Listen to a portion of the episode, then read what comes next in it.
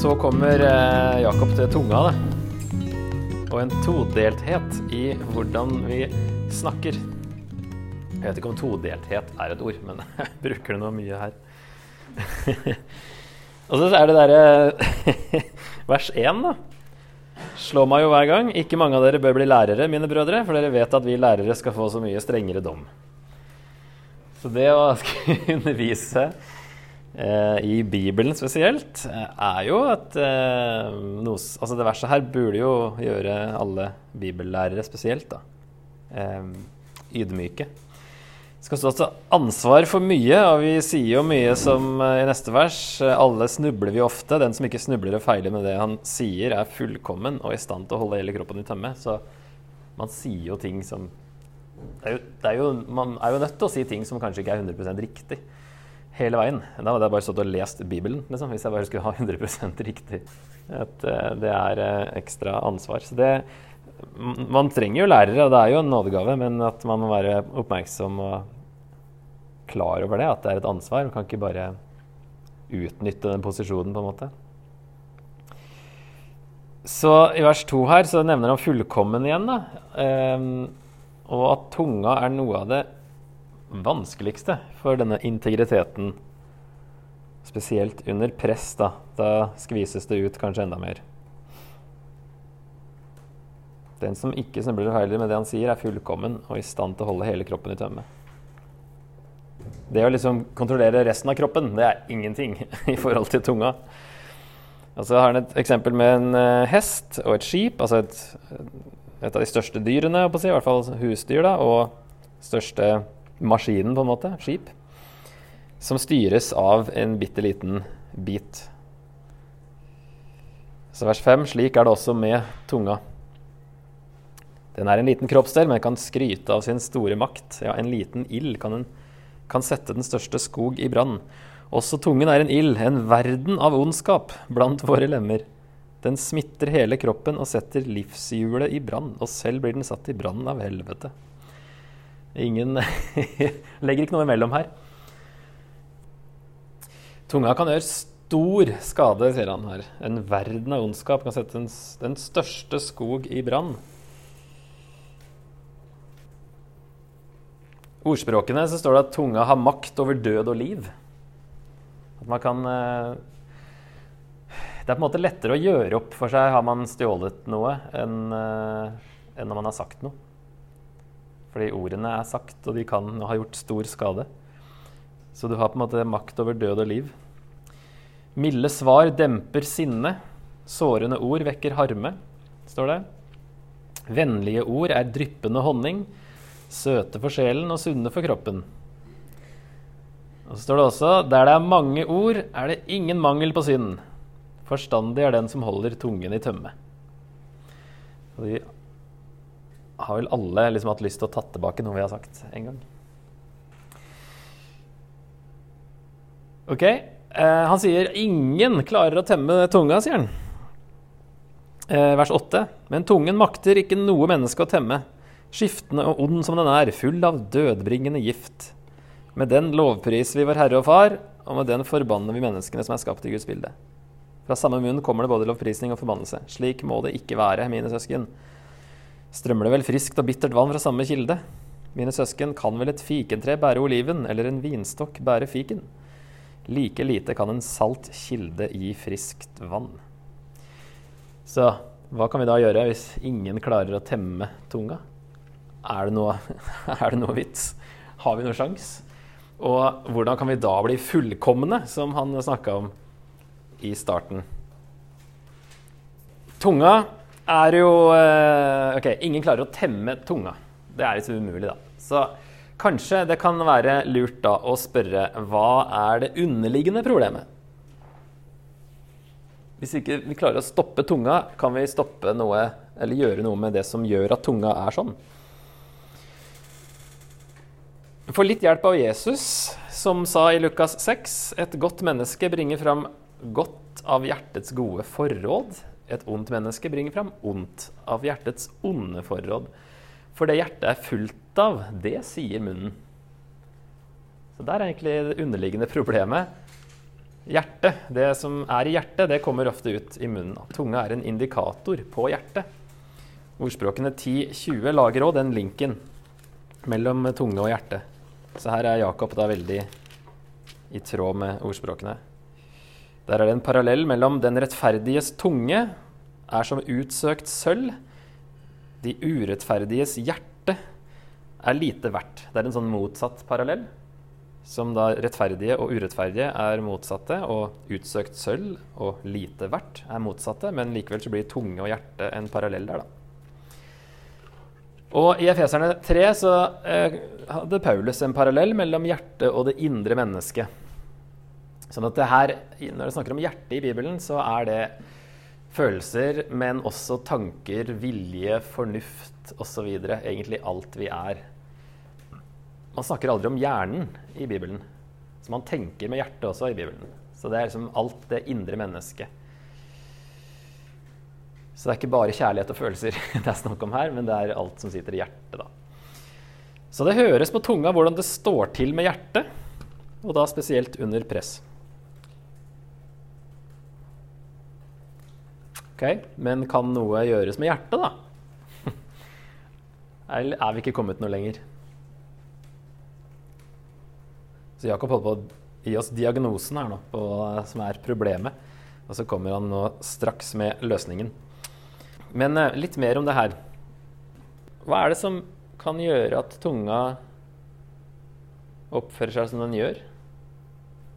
Hva i hjertet kan liksom Klarer du å se noen sammenheng? I hvert fall når jeg har tenkt på mine ting, mine problemer.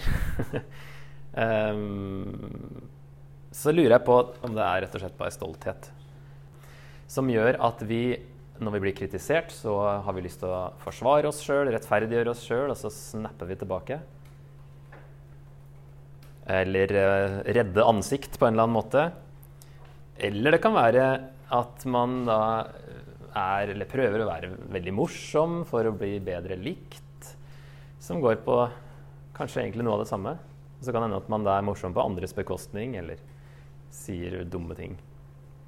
Sånn at um, det er vel der det må gjøres noe, da, i så fall. Hvis vi skal få has på denne tunga. Så løsningen som Jakob kommer med, kommer han i 3.13 og utover. Til 4.12. Um, der han sier at medisinen er Guds visdom. Fra vers 13 til 18 avsnittet der så han, snakker han, sammenligner jordisk visdom og um, Guds visdom. Og um, Guds visdom viser seg i et rett liv, sier han i vers 13. Er noen av dere vis og forstandig, da må han vise det i gjerning, i et rett liv preget av den ydmykhet som visdommen gir. Så her er det det her at det skal vises i livet, dette her. Guds visdom det er en praktisk visdom som viser seg i et rett liv. Og han beskriver Guds visdom i vers 17 som ren, fredselskende, forsonlig og føyelig, rik på barmhjertighet og gode frukter, upartisk og uten hykleri. Sant? Hykleri motsatt av integritet. Og upartisk. Altså det motsatte av å være delt. Ok? Så det her er en bokstavelig motgift mot favorisering, som man snakker om. De favoriserer de rike. Og hykleri, da, å ha et delt sinn. Minner dere dette her dere om noe som dere leste i Galaterbrevet? Jeg lurer på om de er inne på det samme løsningen, egentlig. Minner om åndens frukt. Og når han snakker om jordisk visdom her, så minner det om kjøttets gjerninger i Galaterne 5. Og det minner om kjærligheten i 1. Korinter 13, som eh, Paulus skriver om der. Som som er eh, ikke egoistisk, men søker det beste osv. Han oppfordrer jo til å be om dette her i kapittel 1 av vers 5. Be om, om å bli prega av Guds visdom, ikke sant? av åndens frukt, egentlig, av Guds kjærlighet. Ehm, det vil gjøre noe med oss som gjør at tunga blir mer temma, og vi klarer å leve ut det vi tror på, også bedre når vi er under press, da, selv om det er jo vanskelig uansett. Eh, kommer liksom til høydepunktet, kanskje, i fire, eh, fire til fem. Utro som dere er, vet dere ikke at vennskap med verden er fiendskap mot Gud? Den som vil være verdens venn, blir Guds fiende. Eller mener dere det er tomme ord når Skriften sier med brennende iver gjør Gud krav på den ånd han har latt bo i oss? Men nåden han gir, er større. Derfor heter det Gud står de stolte imot, men de ydmyke gir han nåde. Nå leser jeg litt videre her. Eh, men ja, fire til fem, da. Utro står i hunnkjønn. Utro som dere er. Hva tenker dere er vitsen med det? da? Det er ikke bare damer han skriver til. Men på gresk kan man se at, at utro står i hunnkjønn. Utro som det er. Hvilket bilde er det han får fram da ved å kalle menigheten for hunnkjønn? Ja? Ja, Jesu brud, sant? Utroskap mot Jesus, som er deres mann. Utro som dere er, vil være venn med verden. Menigheten som Jesu brud, både Jeremia, så er det Israel, Guds eh, brud, på en måte, og eh, åpenbaringen så er det menigheten som Jesu brud. Da. Så vennskap med verden, med dens verdier og etikk, som er i opprør mot Gud, det er utroskap mot Jesus. Det er jo det bildet han vil få fram her. Og i The Message, hvis du slår opp eh, det verset der, så står det You're cheating on God, flirting with the world every chance you get. Det å være utro mot Jesus, det er med å flørte med verden, være delt mellom Gud og verden. Så det er jo vanskelig, fordi vi lever i én verden, men med en etikk fra en annen verden. ikke sant? Det kommende Guds rike skal leve på den måten. Det er vanskelig å leve på den måten nå i denne verden, også fordi vi er syndige mennesker ennå. Disse er for ulike, ulike, til å kombineres, sier Jakob her. da, At uh, det kan ikke være delt. Så vers 6, heldigvis, da. Nåden er større enn vår utroskap. Man må få med seg de versene her òg, så ikke man sitter igjen med at Jakob bare kommer med pekefingeren. Han nevner nåden her. Men nåden han gir, er større. Derfor heter det Gud står de stolt imot, men de ydmyke gir han nåde. Så det eneste som trengs, er at vi ydmyker oss de ydmyke gir han nåde. Det eneste som trengs, er at vi innrømmer at vi trenger nåden. Og det kan jo være ydmykende. At vi ikke kan gjøre noe sjøl. Da er vi inne på Paulus-sporet veldig tydelig her, egentlig. Og så, vers 8.: Hold dere nær til Gud. Det er en såkalt parallellisme. dette her, så noen paralleller. Hold dere nær til Gud, så skal han holde seg nær til dere. Vask hendene, dere syndere. Det er jo koronaverset. Rens hjertene, dere som har et delt sinn. Vask hendene, dere syndere. Rens hjertene, dere som har et delt sinn. Så vask og rens er jo paralleller. Hender og hjerte er jo ikke direkte paralleller, men det settes opp som en parallell her. da. Vaske hendene, rense hjertene.